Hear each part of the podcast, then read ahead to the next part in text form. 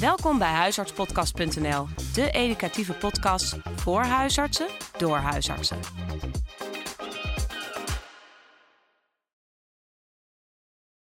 Denkend aan Freud is mij altijd het volgende bijgebleven: dat hij heeft gezegd: er zijn drie onmogelijke beroepen, namelijk die van arts, leraar en bestuurder. Want mensen zijn nooit voor altijd gezond, leerlingen blijven leren en het beleid is nooit af. Goeiedag beste luisteraar, leuk dat je weer luistert. Deze podcast gaat over uh, geneeskunst, deel 2 van deze serie. De eerste, het was met Pieter Barnhorn. Dat heeft wat stof doen opwaaien, vooral over het stuk ook waarin uh, wat gaat over de vrouwelijke huisarts, de uh, moeder van jonge kinderen. En dat ja, is een onderwerp waar wat meer aan geschud mag gaan worden, zoals Pieter Barnhorn dat zelf ook zegt. Dat lijkt me een goeie. Daar ga ik verder over praten met Twan Lagro Jansen.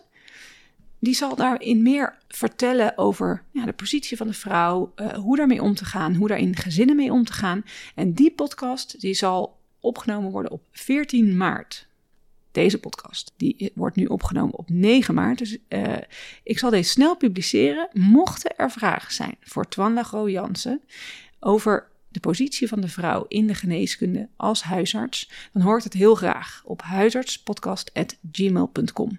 Dan nu naar deze podcast. Geneeskunst deel 2. En dat gaat gebeuren met Alfred Saks. U hoorde hem net al even. Goedemorgen, Alfred. Goedemorgen. Alfred, ik uh, zal je eens even introduceren. Ja. Je bent een uh, academisch huisarts ten voeten uit. Je bent huisarts geweest in Groningen tot 2018. Je bent ook verbonden aan het Julius Instituut ja. als universitair hoofddocent met aandachtsgebieden voor infectieziekten van met name de bovenste en onderste luchtwegen. Ja. Je hebt recent ook geparticipeerd in een onderzoek naar voltooid leven. Over dat onderzoek komen we later te praten in een volgende podcast. En um, nu gaan we het hebben over geneeskunst. Ik heb mezelf niet voorgesteld. Ik ben Femke Veldman, ook huisarts. Ja. Alfred, je mm-hmm. begon net over drie onmogelijke beroepen. Ja. Die onmogelijke beroepen, daar, daar zit een pijnpunt. Omdat uh, je dus eigenlijk zegt, het vak is nooit af. Ja. En dat wil je wel. Je wil ja. de problemen opgelost ja. hebben, maar de problemen houden niet op. Het blijft komen. Dus dat is een soort onbevredigend gevoel wat inherent is aan het vak. Wat inherent is aan het vak. Ja. Als ik kijk naar mijn patiënten die ik heb gezien de afgelopen vele jaren, dus bijna 38 jaar, dan zie je mensen in een ontwikkeling, met mij erbij. Je wordt samen met de patiënt, ga je een bepaalde klachtenpatroon of ziektegeschiedenis door. Maar het eindresultaat van al jouw inspanningen, dat zie ik soms een beetje, maar niet altijd. En het ontglipt je vaak. Het eindpunt wat je graag zou willen zien, maar wat je net niet kan bereiken.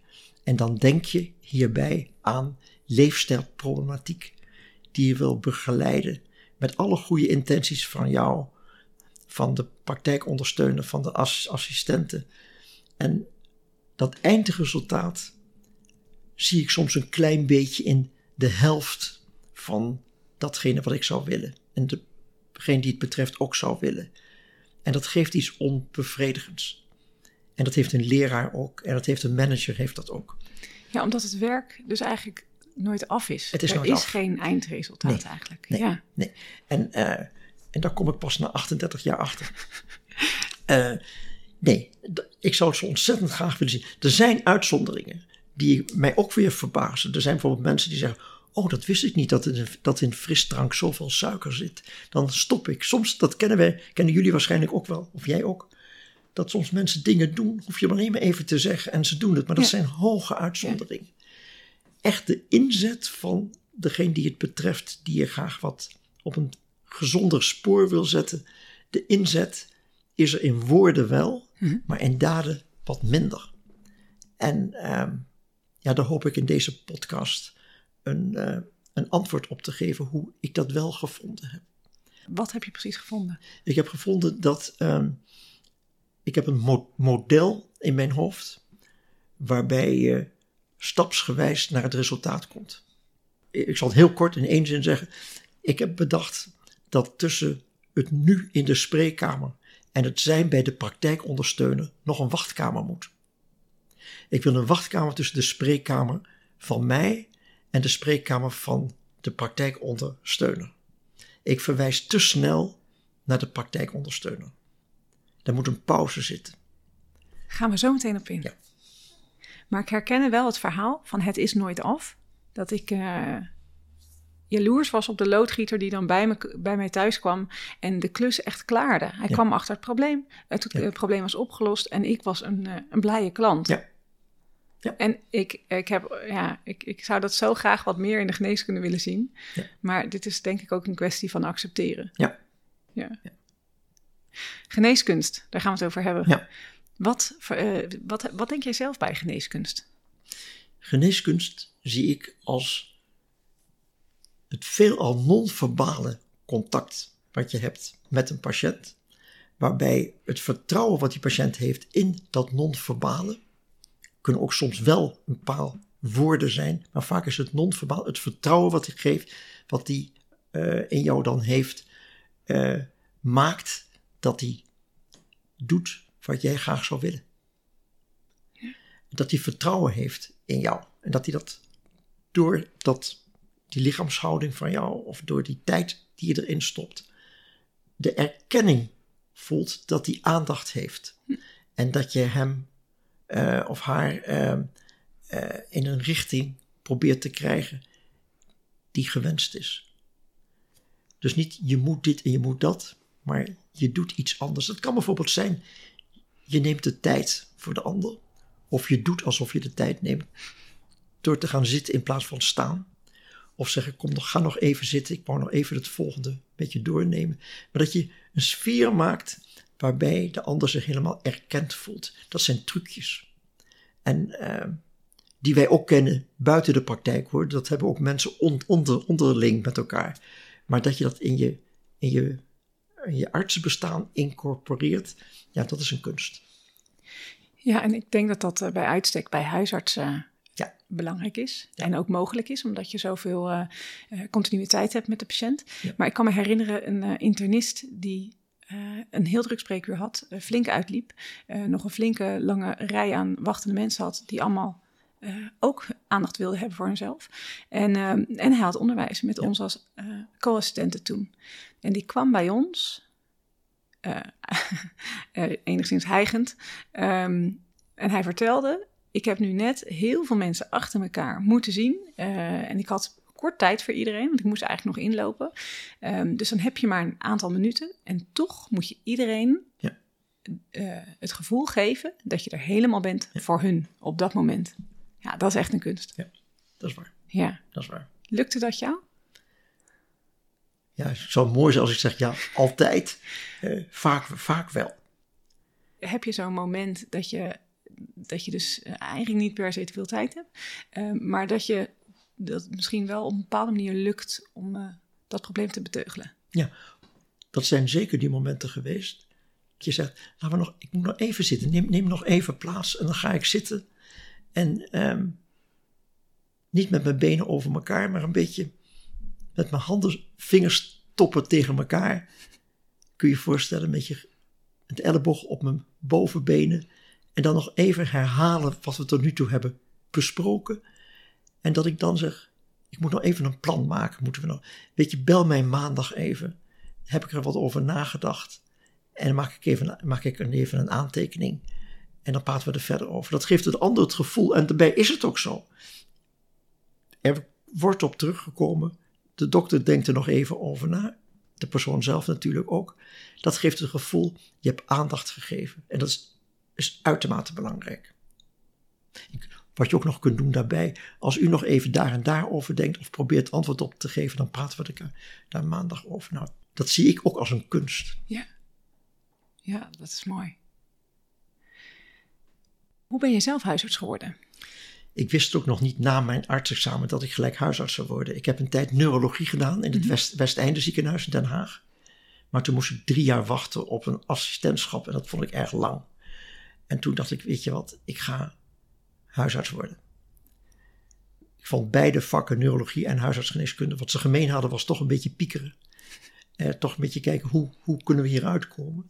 En het mooie vond ik eigenlijk van het huisartsenvak is dat je vanuit een klacht, vanuit een beeld eh, probeert om een prognose te maken, om een diagnose te maken. Ik zeg net prognose als eerste. Dat komt omdat je al zo lang huisarts bent, denk ik dat we eerder prognostisch denken dan diagnostisch denken. Maar in die tijd dacht ik meer om een diagnose te maken. Dat had ik eigenlijk moeten zeggen. Um, en dan kom je uiteindelijk tot een ziektebeeld terecht, wat misschien sommige daarvan in de tweede lijn komen. Maar ik vond helemaal aan het begin van de keten staan. Ja, dat vond ik, dat vond ik intrigerend.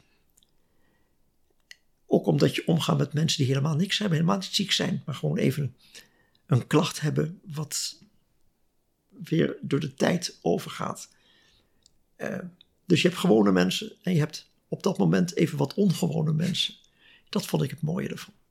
Ja. Uh, is uiteindelijk het huisartsenvak geworden wat je ervan uh, verwachtte of gehoopt hebt? Ja. ja. Als ik terugkijk, denk ik, ik heb een hele goede keus gemaakt. Heeft ook te maken, ik heb een niche gevonden in het vak, mhm. namelijk infectieziektes. Mhm. Maar ik denk als ik neuroloog was geweest, had ik hetzelfde, had ik ook een niche gemaakt. Mhm. Ik ben niet iemand die breed blijft, ben breed geïnteresseerd, maar ik heb wel een onderwerp nodig waar ik mij kan verdiepen. Ja. Uh, maar ik denk dat heel veel van ons dat hebben. Ja. Want dat heb je naast het huisartswerk in Groningen gedaan. Ja. Hè? Dus dat was uh, drie dagen werken in Groningen ja. en dan twee dagen ja. Uh, in de Julius. ja. ja. ja. Dus ik heb eerst heb ik me ingeschreven op NWO. Men zocht in Nederland een x aantal huisartsen. Dan praat ik over eind jaren 80, begin 90, die uh, een onderwerp hadden willen kiezen om te promoveren daarop. En dan kreeg je geld voor. En dat heb ik dan gekregen in COPD-onderzoek. Dus wat is de toegevoegde waarde van antibiotica boven prednisolon bij een exacerbatie? En er zijn ook heel veel andere, waren met een groepje van zeven, die hebben weer andere onderwerpen gekozen. Uh, maar dat heb ik, heb ik nodig gehad. Ik heb nodig gehad om, om me ergens in te verdiepen. Het vak zelf? En het vak zelf vond ik ontzettend leerzaam. Ik kom echt in de maatschappij. Je komt bij de mensen. Hetzelfde wat Henk Tianus ook zei in de vorige podcast. Ja, dat onderschrijf ik helemaal. Uh, ik ken eigenlijk nauwelijks een ander beroep waarbij je zo'n inkijk hebt in iemands geestesleven. Uh, wat iemand beroert. Maar het ligt ook aan jou. Je moet je er echt voor openstaan. Je moet geïnteresseerd zijn. En pas vele jaren nadat ik het deed, kom ik achter waarom is nou die contacten is dat zo belangrijk. We streven altijd, je moet goed contact hebben met je mensen. Ja, maar waarom? Niet omdat dat het vak leuker maakt alleen.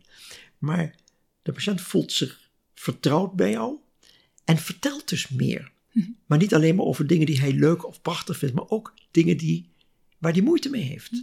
Dus heb ik één keer bij zo'n iemand eh, vanuit een klacht, probeer ik een diagnose te krijgen, zal die mij veel meer vertellen en sneller vertellen en duidelijker zijn dan wanneer die wat sceptisch tegenover mij staat. Dus daarom is het arts-patiëntrelatie, dat wordt heel weinig nog onder, onderwezen. Waarom is die nou zo belangrijk? Niet om het vak alleen maar leuker te maken. Ja. ja je kan veel meer te weten komen ook. Veel meer te weten komen. Ja, als ik kijk in ons dorp, dan uh, uh, komen ze werkelijk echt met alles naar de huisarts. Ja. En dat verschilt uh, ontzettend. zelfs met liefdesverdriet komen ze bij ons. Ja. En als ik dat met sommige mensen die ergens anders wonen bespreek, die zeggen: oh, ik, ik, zou, ik zou het niet eens bedenken dat je daarmee naar de huisarts komt. Nee. Heeft het jou verbaasd? Ja, het heeft mij verbaasd, maar ik heb het gebruikt. Ik kon, ik kon uh, ja, het heeft mij zeker verbaasd. En ik heb het beste moment gehad, was ik zes, zeven jaar huisarts, dat ik dacht, jee, ik ben toch geen maatschappelijk werker.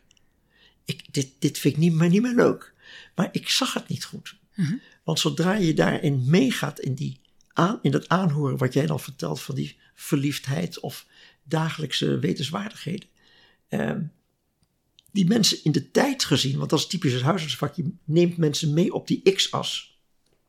En af en toe gaat die y-as wat uitslaan. En bij die uitslag van die y-as heb je juist die, dat aanhoren, dat luisteren, het vertrouwd zijn met jou, weder, wederzijds, hm? maakt dat je sneller tot een, tot een uh, beleid komt. Ja. Maar dat leer je niet tijdens de opleiding. Deze, de, de, de- eigenlijk de maatschappelijk werkerkant. Nee, het gebruik daarvan Ja. leer je niet. Maar goed, wij zijn ook heel lang onderwezen door psychologen. Eh, Is zo? Ja, ik vind het heel goed. Maar ik vind dat we zouden ook onderwezen moeten worden door praktiserende huisartsen. En veel meer onderwezen worden. Eh, en niet alleen maar in de huisartsopleiding, maar in de hele studie. Ja, ja. Ik, ik ben heel erg voorstander van onderwijs geven vanaf jaar 1 tot en met jaar 6. Van in welk vak ook, welk specialisme ook. Waarbij de huisarts het college opent, een minuut of vijf of zeven, maakt het maar niet uit. En dan kan de tweede lijn vertellen over, over het hart en over, de, over het pancreas en over wat, wat, hij, wat hij maar eh, eh, wil. Maar ik vind dat de, je moet uitgaan vanuit de klacht.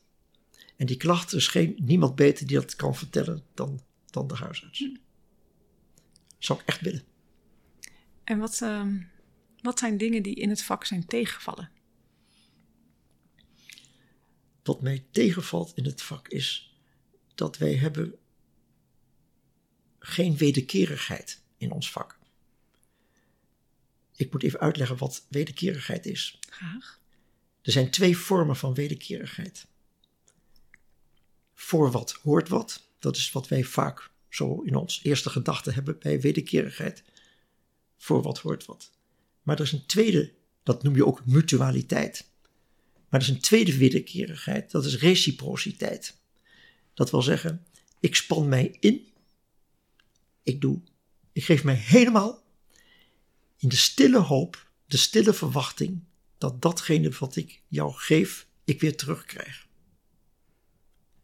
Nou, dat heb je bijvoorbeeld, die tweede vorm, dus typisch ons, ons vak. Typisch, dat is nou, dus eigenlijk is dat de reden dat Freud ook zei, dat het arts zijn, leraar zijn, manager zijn, dat is toch teleurstellend. Aan het eind van de rit merk je, wat heb ik nu eigenlijk gedaan? Dat komt door die reciprociteit. Dat komt dat jij je zo inzet voor de ander. Denk maar aan afvallen, denk maar aan stoppen met roken, stoppen met drinken. Dat eigenlijk als je dan denkt, wat heb ik nou eigenlijk bereikt, dat zo weinig is. En wat mij dus tegenvalt van het vak, is dat wij aan die tweede vorm van wederkerigheid nooit een moment van mutualiteit incorporeren. Dus we hebben reciprociteit, ik span me in en ik in de stille hoop dat ik wat terugkrijg. Maar tijdens dat beleid komt er nooit, en nou wil ik boter bij de vis hebben. Dus wij, dat geldt trouwens in een relatie ook. Moet, je moet niet aan denken als je een relatie hebt die bestaat uit mutualiteit, voor wat hoort wat. Hè? Dan gaat het ook altijd mis als je zegt van oké, ik wil wel op de kinderen passen, maar dan moet jij afwassen. Dat kun je één keer doen, maar vaak lukt dat niet. Bij jou wel, maar bij- Nou, nou, Nee, maar, maar dat, dat, zijn, dat is niet wat ik bedoel. Dat is niet een goede, goede vorm. Je kunt dat wel doen als, als buren met elkaar. Als ik de gasmaaier mag lenen, kun jij een keer. Weet je, daar kun je afspraken over maken. Eh, of in het zakenleven. Maar in ons vak is dat niet zo. En ik wil een situatie hebben dat je gaat van inspanningsgerichte zorg, want dat is namelijk reciprociteit. Ik span me in in de stille hoop dat ik het resultaat terugkrijg. Wil ik naar resultaatgerichte zorg. Nou, dat is wat ik. Daarin ben ik teleurgesteld in. Niet in mijn vak alleen of in de huisartsgeneeskunde. Maar in de hele gezondheidszorg. Dat er zit zo weinig resultaatgerichte zorg bij. Hoe zou je het dan voor je zien als die patiënt voor, voor je zit en je denkt, nou, leefstijl zou hier een goede zijn Ja. om mee te starten als iemand, weet ik wat, diabetes eh, Ja. diagnose heeft gekregen. Ja. En vervolgens, Dan zou ik het volgende. Dan wil ik, zou ik niet meer willen dat ik denk. Nu moet ik verwijzen naar de praktijkondersteuner. En die regelt het verder allemaal helemaal goed. Dat nou de grootste fout die je kan maken. Waarom? Omdat je het hebt niet te maken met, met iemand die gelijk denkt: Oh, wat fijn, dat gaan we doen. En nu ga ik op mijn suiker gaat van 10 naar 5,5 nuchter. Oh, wat fijn. Helemaal, dat is helemaal niet waar. Die moet heel veel veranderen in zijn leven. Die moet zijn voeding aanpassen. Die moet zijn, zijn leefpatroon aanpassen. Er komt nog bloeddruk bij. Man, die krijgt een scala van activiteiten te doen. Daar voelt hij helemaal niks voor. Althans niet nu. En daar heeft hij volkomen gelijk in. En ik ben gek op chronische klachten en chronische ziektes, want ik hoef niet gelijk vandaag in te grijpen. Maar daar maken we geen gebruik van, onvoldoende.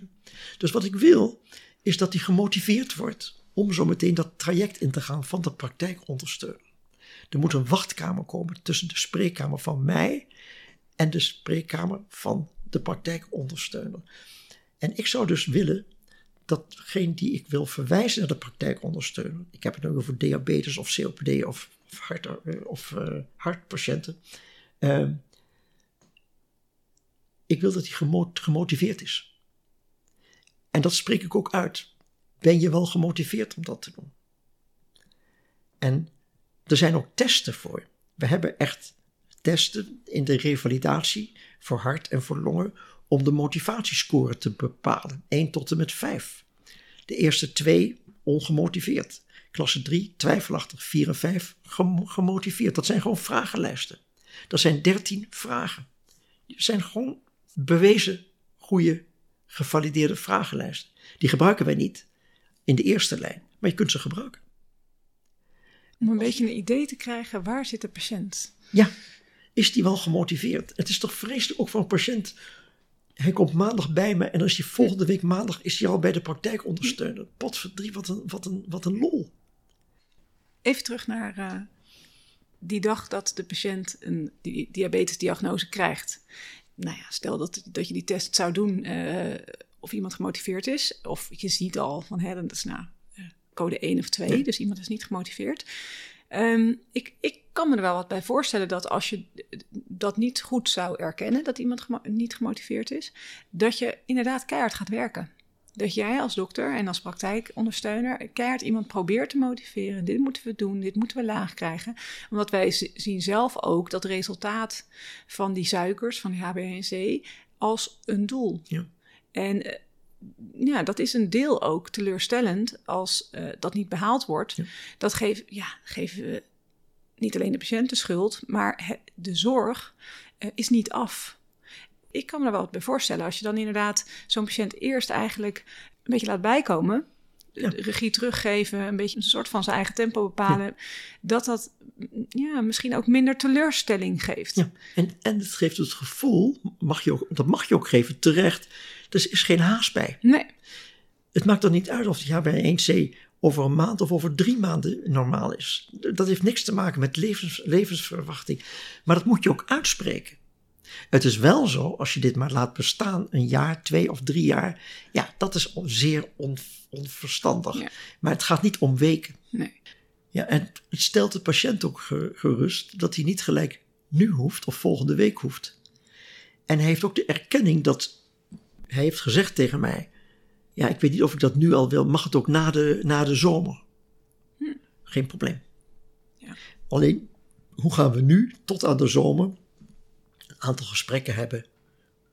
Of gaat bellen, of je komt langs, of mag ook bij de praktijk onder, ondersteunen trouwens. Hoe word je gemo gemotiveerd? Ja. En je kunt bijvoorbeeld als een plan maken door te zeggen: Nou, je rookt nu 40 sigaretten per dag, maar stel dat we over drie maanden naar de 30 gaan. Dus je, je, het is niet gelijk, de suiker hoeft niet gelijk van 10 naar uh, eh, 5. Je kunt een plan maken. Ja. En als je dan zegt van, ja dokter, maar ik heb nu nog een vakantie deze zomer, of we gaan verhuizen, of er is een werkverandering, vind ik allemaal goed. En het feit dat ik dat goed vind, daarmee erken je dat er geen hele grote spoed bij is. Nou, en dan is de ander meer bereid dan wanneer je hem gelijk verwijst. Ja, en je hebt ondertussen weer meer vertrouwen gewonnen door naar de patiënt te luisteren, ja. zodat ze daarna jouw adviezen ook beter te harte nemen. Denk ik. Ja. ja. Um, Alfred, heb jij eh, vanuit de praktijk voorbeelden die, uh, die uh, kunnen beschrijven hoe ja, lastig het vak soms is, of juist teleurstellend? Of uh, mooi? Of mooi. Ik heb, ik heb beide. Waar ik teleurgesteld in ben, dat is dat de LHV heeft prachtige woorden besteed aan het moderniseren naar de menselijke maat. Moet je je voorstellen. Nou, dat is allemaal van die managerstaal. Um, toekomstvisie huisartsenzorg 2022. wij moeten een duurzame relatie hebben met de patiënt. Ja, dat moet er nog bij komen. Dat het niet zo is. Een herkenbaar team voor de patiënt. Dat woord team. Ja, kortom, ik, ik haat dit soort taal. Omdat Eh. dit, dit, is, dit is al lang wat het is. Ja, dat zijn ingetrapte deuren. Ja. Natuurlijk is, dat moet er nog bij komen, zeg, dat hij dat, dat hij dat niet heeft. Een versterking van de gidsfunctie, verbeteren service naar de patiënten, versterken van de organisatiegraad, flexibele over, openingstijden. Maar nergens staat in, wat vraag ik nou van de patiënt? Nul. Je mag het niet eens patiënt noemen, het is een cliënt. Om, ik wil die reden niet eens horen. Dit is toch wel erg, hè? LHV. Ja, ik ben diep teleurgesteld daarin. Zouden we daarin iets kunnen vragen van de patiënt dan? Je kunt heel goed vragen. Je kunt zelfs zeggen tegen de patiënt: wat zou je nou kunnen doen om dit resultaat te krijgen? Stoppen met roken, eh, meer lichaamsbeweging. Dat is een goede vraag aan de patiënt. Wat zou je kunnen doen? Wat heb je ervoor over? Maar er zit geen participatie in. In een, wat men zegt, hè, participatiemaatschappij. In de gezondheidszorg 0%. Integendeel. Moet er toch niet bij komen dat hij ook nog zelf wat wil.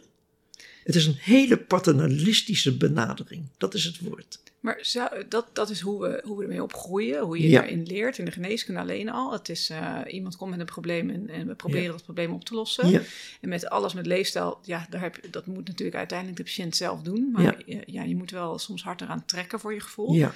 Eh, maar hoe zou, hoe zou je die verantwoordelijkheid, of hoe zou je die soort verplichting bij de patiënt kunnen neerleggen? En je kunt bijvoorbeeld zeggen, nou, je kunt door blijven roken, je kunt door blijven zitten in plaats van lopen. Je kunt eh, dus volkomen passief je leven doorgaan. Waar denk je dan waar het eindigt? Dat is een hard gesprek, Mhm. als je dit zo zegt. Maar je kunt het ook zeggen van, hoe, hoe kunnen we hier nou een wending aan, aan eh, geven? En wanneer kunnen we er eens over praten? Want er moet, denk ik, en dat vind je zelf ook wel, wel wat gebeuren. Trouwens, het zal ook een reden hebben dat je het niet doet. En zullen we eerst daar eens over praten? Er zijn best ingangen te vinden, maar dan participeert hij in ieder geval in de start. Hm. Het gaat er niet eens primair om dat hij participeert in het resultaat, maar in de start van mogelijk een nieuw leefpatroon. En wat zou de LHV daarin kunnen doen?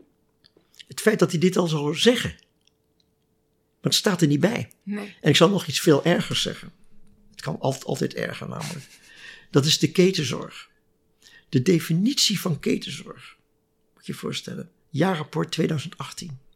Ketenzorg is een samenhangend geheel van zorginspanningen dat door verschillende zorgaanbieders onder een herkenbare regiefunctie wordt geleverd waarbij het cliëntproces centraal staat. Ik weet niet wat het betekent. Cliëntproces staat centraal. Ik zie dus allemaal goed bedoelende gezondheidsmedewerkers om de patiënt heen. Die zitten zeppen op de bank net naar de tv en een biertje erbij. Samenhangend geheel, ik weet niet wat, wat dat betekent geheel, van zorginspanningen. Ja, van die zorgverleners. Maar niet van de patiënt. Ja. Die wordt helemaal niet genoemd. Dit is nou weer, net zoals bij de LAV, nou ja, paternalistischer dan dit kun je, kan ik dat niet, niet weten. En ik denk ook dat ze dat echt zo bedoelen, wat ze op hebben geschreven. Ze moeten er ook niet aan denken dat die patiënt mee gaat doen. Het is natuurlijk heel, heel logisch om te denken als reactie hierop van ja, tuurlijk is het de patiënt die het moet doen. Ja, maar Maar we worden er wel allemaal in, ehm, in gevormd Ja. dat het de inspanningen zijn van het zorgpersoneel. Dat is ja, wat, ja, ja, ja, ja. wat ons geleerd wordt. Ja, en dat, vind ik, dat geeft ons een goed, goed ge- gevoel. Ik vind, het, ik, vind het, ik vind het echt erg. Maar het wordt ook beschreven dus dat het onze eh, verantwoordelijkheid en onze taak ook echt is. Dus dat moeten we ook doen. Nee, we moeten het, moeten het ook blijven doen. Maar er moet, iemand anders moet ook wat doen. Ja, ja. Degene die centraal staat, waarvan men zegt dat hij centraal staat. Nou, die patiënt staat niet centraal. Het is jammer dat hij erbij is. ja. We kunnen het ook wel zonder patiënt doen. De patiëntenvereniging, precies hetzelfde. Als je hun interviewt over richtlijnen, dan zeggen zij: de multidisciplinaire samenwerking binnen de eerste lijn zorg moet eigenlijk beter. Er moet meer transparantie komen, innovatie moet er meer zijn, service moet er meer zijn, betere bereikbaarheid en er moet ook een tolk komen in de avond- en weekenddienst. Ja, en wat, en wat raad je nou je eigen patiënten aan? Wordt niet genoemd, wordt niet over gesproken. Men zal dus niet zeggen, het is zo moeilijk voor ons om al die dingen die goedbedoelende zorgverleners ons toewensen, om dat in de praktijk te brengen. We willen graag daar wat betere begeleiding bij, dat hoor je allemaal niet zeggen. Zijn ook niet resultaatgericht. Die willen inspanning, maar niet eens hun eigen inspanning, maar die van de zorgverlener. Ja. Ik heb er geen hoge pet van op. ja. Kunnen, we, kunnen we hier wat positiefs aan draaien? Nou, positief kun je nog zeggen dat de gezondheidszorg is zieker dan de mensen zelf. Dat is het positieve. Dus het valt nog wel mee met de mensen. Ik denk dat je dit, wat ik nu zo zeg, zou je eigenlijk in gesprek met de LAV, in gesprek met degene die die richtlijnen maken van de ketenzorg en de patiëntenvereniging moeten zeggen. Dan is het voor jezelf een therapeutisch moment. Maar ik weet niet of dat, of dat duidelijk wordt. Zij vinden het, de patiëntenvereniging vindt het heel moeilijk om ook eens kritiek te leveren op, op de eigen mensen. Of, of iets te vragen van ze. En ik denk dat dat voor de LFV precies zo is. Nou, het is goed om de focus daar eens weer te leggen. Eh, it takes two to tango. Ja, De patiënt, die, eh, die, die, die, Ja. die moeten we echt eh, ja, meer verantwoordelijkheid in ja. die geven. en dat is nou de reden dat ik in mijn praktijk twee soorten zorg heb gegeven. Ik ben heel erg niet voor Goede zorg en slechte zorg. Nee, nee. Een goede zorg en nog net iets betere zorg. Eh, ik heb het zilver-goud genoemd. Mhm. Ik geef zilveren zorg aan iemand die nog net onvoldoende gemotiveerd is om datgene te behalen wat jij hem toewenst. En wat hij zichzelf ook toewenst.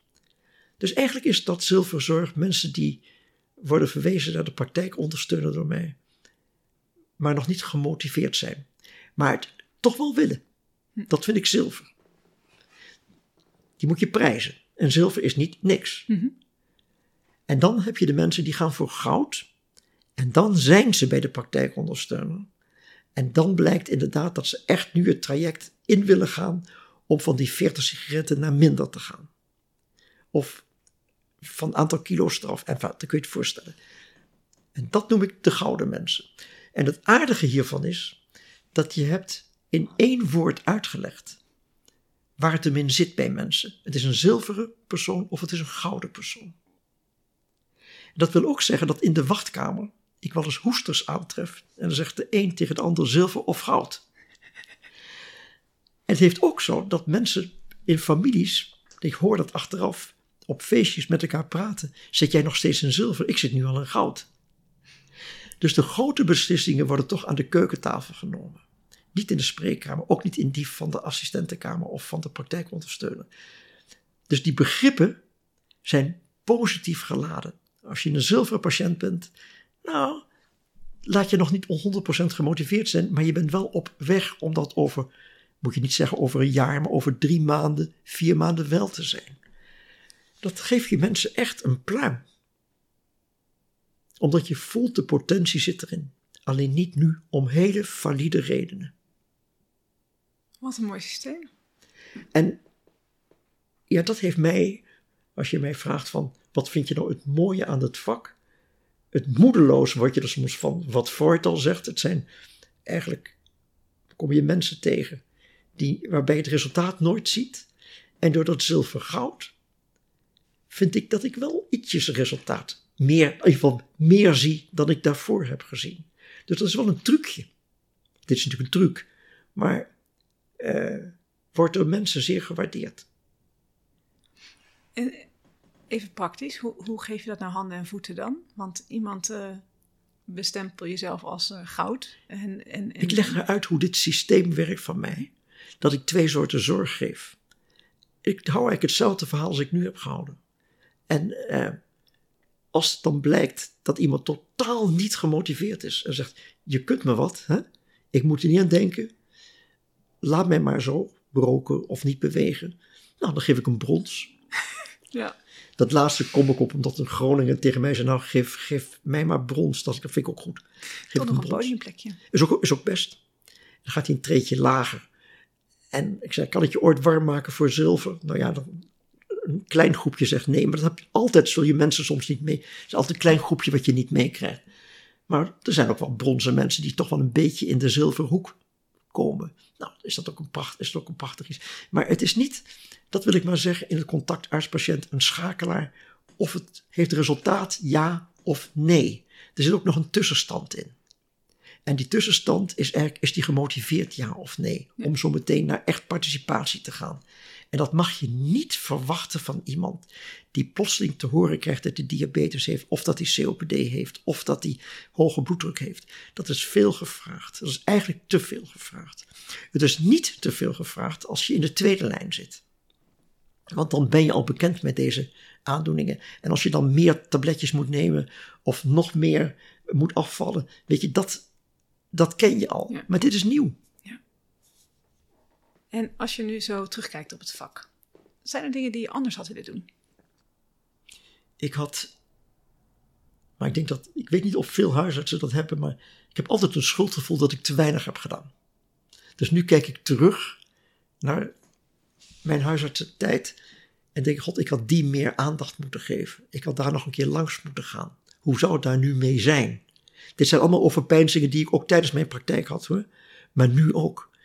En ik, uh, ik neem wel eens contact op met mijn opvolgster. En uh, zeg ik, uh, is het goed dat ik ga naar patiënt A of B, dat ik die nog eens opzoek? en dat zijn er misschien maar drie of vier uit mijn praktijk die ik dat doe. en dat vindt zij prima. wat ik ontzettend aardig van haar vind. En dan praten we gewoon ook over dingen ja, waar ik vroeger ook over praatte. Er zijn soms mensen uit de praktijk die hebben echt een indruk op mij gemaakt. Die hebben echt wat, ja, die hebben mij wel een levensles gegeven. En dan ben ik vaag als ik geen voorbeeld noem. Ja.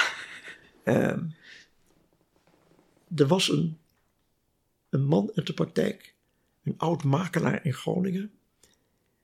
Om wat voor reden ook had ik daar een klik mee. Hij was uh, weduwnaar. Uh, en ik heb er altijd een prettig gesprek mee gehad als hij bij mij kwam. Totdat, totdat hij dement werd.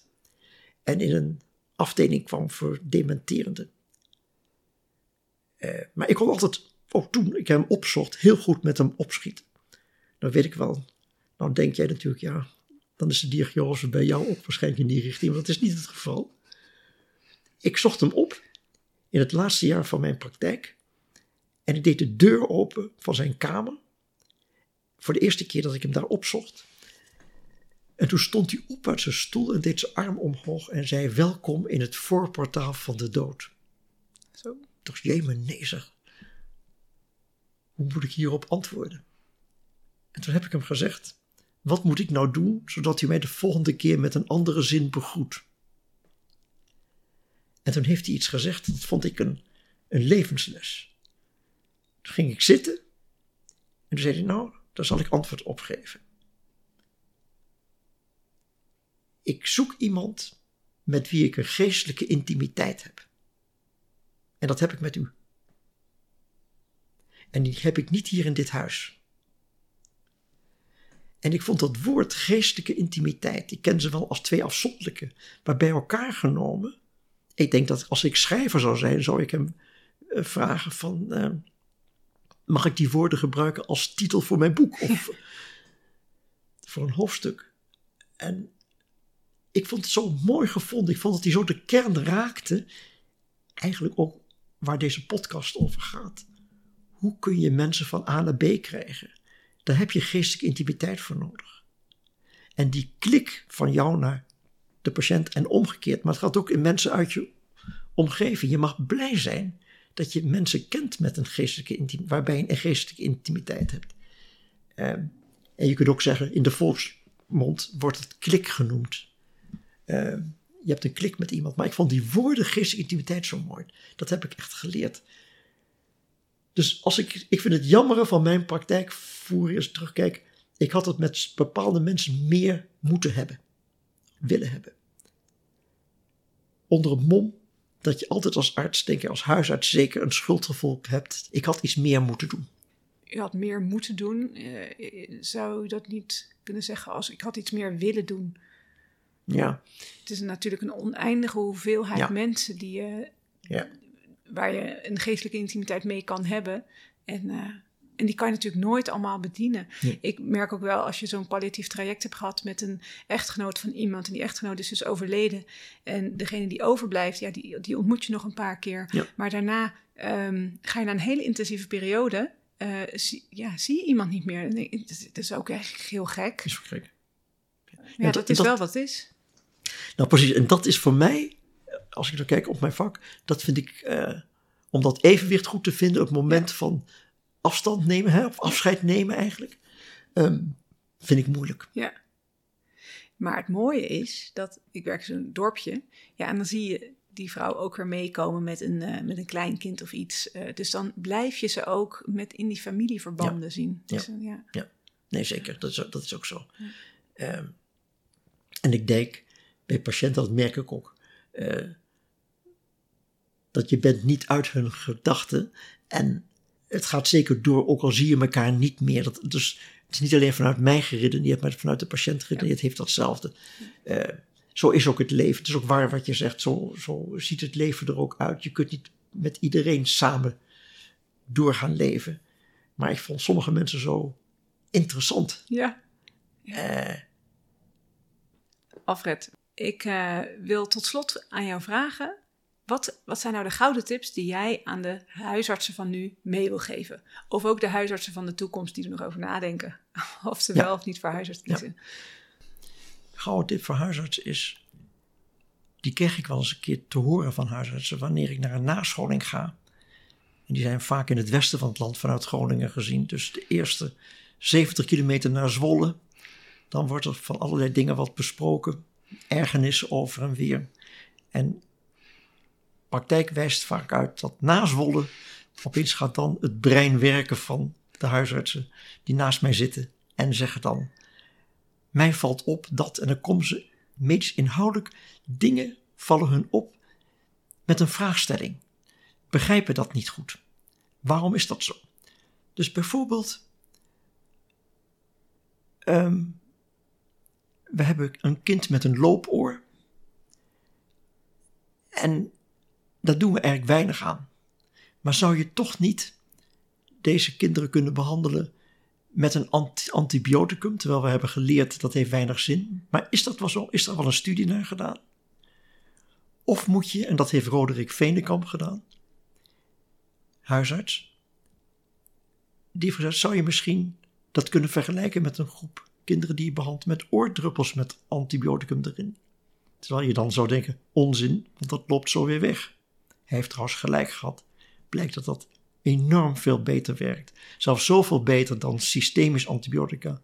Dat die studie is gestopt en is ten, omdat juist die druppels zo goed is, omdat de concentratie in het middenoor dan zo hoog is. Maar dit soort denken erover, dat, soort, dat vind ik zo leuk om dat te horen van huisartsen. Ja. Of bijvoorbeeld, wij geven wel eens mensen die overspannen zijn, echt heel veel tijd om te rusten. Maar moet je die mensen ook niet juist een activiteit geven? Eh, is rust echt het enige? In, is dat de enige juiste interventie? Ja. Nou, dit soort denken, de verwondering, dat vind ik zo mooi. Ja. En ik wens dus eigenlijk huisartsen heel veel in hun geest, in hun denken, een denktijd van 70 kilometer of meer. Eh, begrijp je een beetje wat ik bedoel? Zeker. En dat men dat uitwisselt. Ik vind, de tip is, praat meer over de verwondering met elkaar. Dit is echt medisch inhoudelijk ook vraagstukken. Ja. En eh, wat over de onmogelijkheid van het vak? de onmogelijkheid van het vak. En dan kom ik toch weer terug op wat Freud zei in het begin, wat ik zei, dat zijn ook onmogelijke beroepen wat wij hebben. Het, het artsenvak, lerarenvak en managervak. Maar je moet weten dat er zal altijd een stuk onmogelijkheid blijven. Zoals je het echt graag zou willen zien, wordt het echt niet. Dat geldt voor alle drie beroepen niet. Arts, leraar, manager. Maar laat ik maar beperken tot het artsenvak. Maar je kunt wel meer mogelijkheid maken door het onmogelijke, zoals jij dat ziet, te bespreken met de patiënt, zoals het tot nu toe is gegaan, hoe kunnen we het mogelijk maken? Hoe kunnen we het resultaat wel mogelijk maken? En daarvoor is bijvoorbeeld dat zilver-goud model, wat ik net heb uitgelegd, is van belang. Dus knip het wel. Neem niet gelijk die hele portie tot je van het onmogelijke en maak je dan theatraal gebeuren van zie wat is weer niet gelukt, maar doe het stapsgewijs. En zeg dat ook tegen de patiënt, niet in jouw gedachten, maar zeg ook dat dit misschien een mogelijkheid zou kunnen zijn om het wel behapbaarder te maken. Dus veel problemen zijn weinig behapbaar, maar maak het behapbaarder. En daar ben jij gids in, daar ben jij wel degene die het initiatief moet nemen. En niet in gedachten, maar je moet het ook verwoorden.